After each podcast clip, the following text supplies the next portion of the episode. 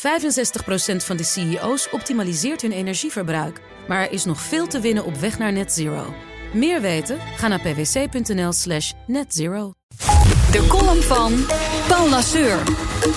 Voor Intertoys moet het even wennen zijn geweest dit weekend. De lange rijen bij de kassa. Want er kwam al jaren niemand meer. Ook dit keer waren het vooral de ongelukkige houders van cadeaubonnen die zich melden bij de failliete keten. Met de laatste kans om hun tegoed nog in te wisselen voordat de zaak definitief op de fles gaat. Die kwamen niet voor hun plezier naar de winkel, ze hadden geen keus. Niet zo gek dat prompt het computersysteem op tilt ging met die plotselinge drukte, waardoor veel klanten hun bonnen niet meteen konden inleveren.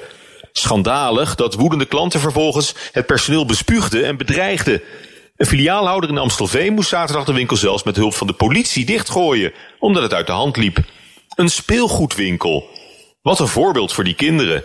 Dat vader zo door het lint gaat in wat een kinderparadijs zou moeten zijn. Laten we zeggen dat elke winkel de klant krijgt die het verdient. Want er was helemaal niets paradijselijks aan de winkels van Intertoys. De formule was al lang morsdood. Lang voordat Action, Lidl en Kruidvat met speelgoed begonnen te stunten. En lang voordat de online verkoop van speelgoed zo'n hoge vlucht nam, kon je dit faillissement zien aankomen. Helemaal toen Bart Smit werd ingelijfd en er voortaan zelfs twee of drie Intertoys filialen in dezelfde winkelstraat stonden. Knalgele winkels, die op geen enkele manier de kinderfantasie konden prikkelen, laat staan ze aan het spelen te krijgen. Intertoys was nooit meer dan een stapel dozen op de plank en een dikke speelgoedbrochure met feestdagen.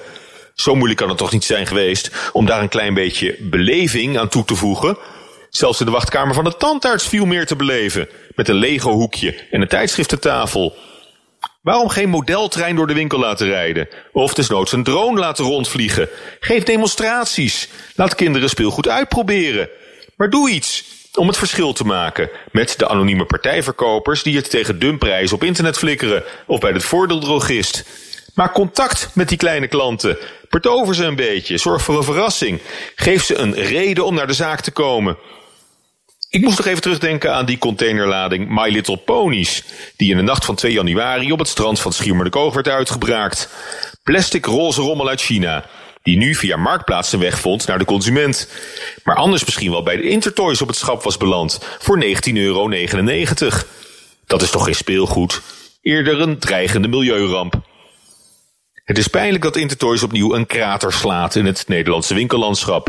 Na de Kijkshop, V&D en al die andere. Maar je kon nog op wachten. En de crisis in de winkelstraat is nog lang niet over. Prettige maandag. En dat zei onze kolonist op maandag, Paula Sur. Columns, allemaal, ook die van de hand van Paul, kunt u teruglezen en luisteren op bnr.nl en in de BNR-app, net als al onze podcasts. 65% van de CEO's optimaliseert hun energieverbruik. Maar er is nog veel te winnen op weg naar net zero. Meer weten? Ga naar pwc.nl slash netzero.